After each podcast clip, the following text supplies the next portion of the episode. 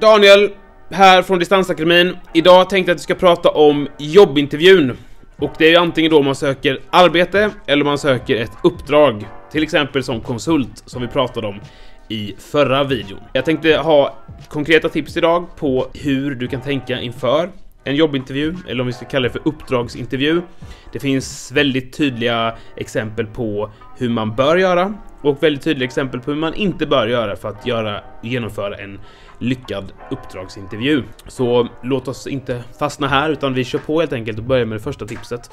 Som givetvis är att läsa på inför uppdragsintervjun. Det här kan ju tänkas vara självklart men jag har jobbat med rekrytering relativt länge och jag har upplevt att det absolut inte är självklart.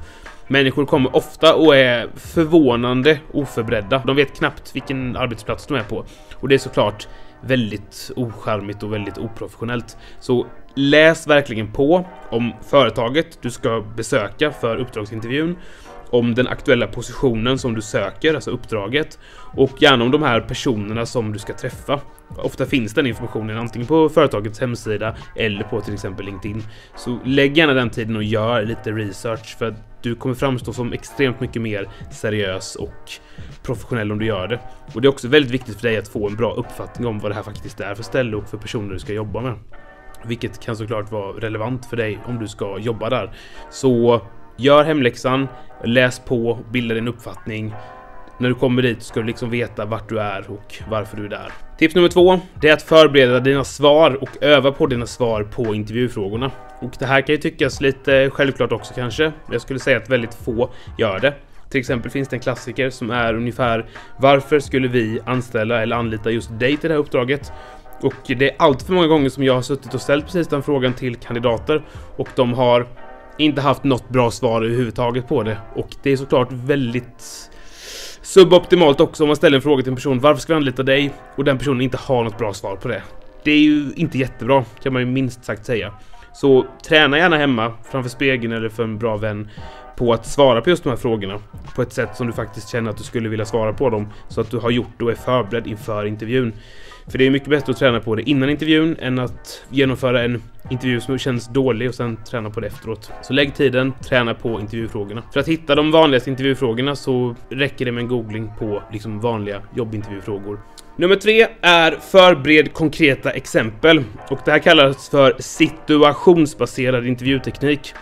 Och om en person säger till exempel vilka personliga egenskaper personifierar just dig? Så kanske du tänker att jag vill säga att jag är snäll. Och så säger du precis det. Jag skulle säga att jag är snäll. Då kan man antingen säga det, jag är snäll, punkt. Eller så kan man exemplifiera hur det kommer i uttryck, alltså hur det visar sig att du upplever att du är en snäll person. Låt mig ge ett exempel. Vad Daniel skulle du säga att du, vilka personliga egenskaper karaktäriserar dig? Ja, jag tycker att jag är, är, snäll. Och det visar sig framförallt genom att jag tycker det är viktigt att ha en inkluderande arbetsmiljö där alla får frågan om att till exempel gå ut och käka lunch ihop, om att vi visar respekt mot varandra genom att vi förstår, lyssnar och är öppensinniga för varandras behov. Det är alltså hur man exemplifierar hur sådana här personliga egenskaper kommer i uttryck. Det, det, finns ju sätt att göra det om flera olika egenskaper såklart. Jag är driven, jag är generös, jag är ambitiös. Tänk på just det här, de orden betyder ju ingenting egentligen förrän du har målat upp hur de, vad, vad de betyder för just dig. Så ska du använda den typen av adjektiv om dig själv, tänk då på att alltid situationsbaserat beskriva i vilka situationer och hur de egenskaperna kommer i uttryck till just dig. Nummer fyra, det är att klä dig för jobbintervjun. Och det är såklart då beroende på vilken position, vilket uppdrag du söker.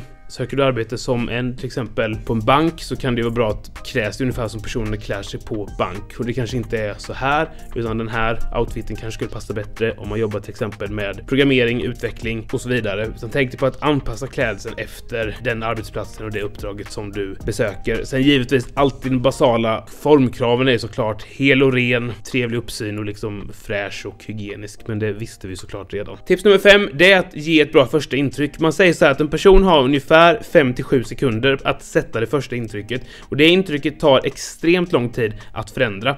Så du har det här första ögonblicket där du kan forma hur den andra personen ser på dig. Och då finns det ett par konkreta sätt som du kan forma det till din egen favör.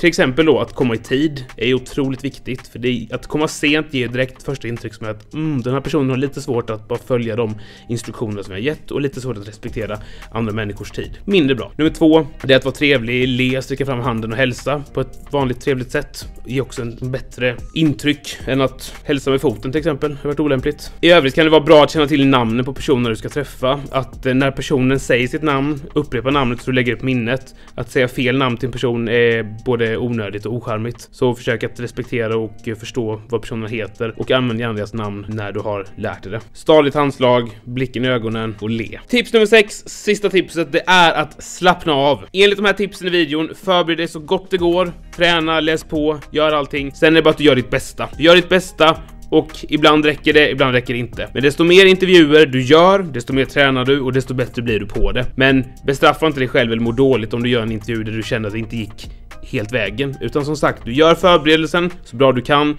du gör så gott du kan och det räcker.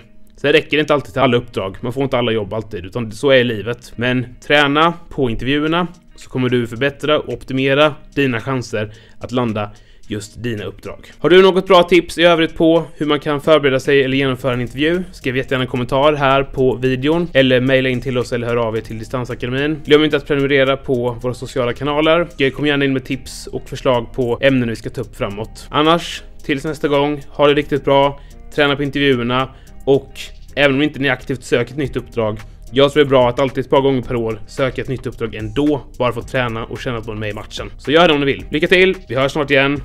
Ciao!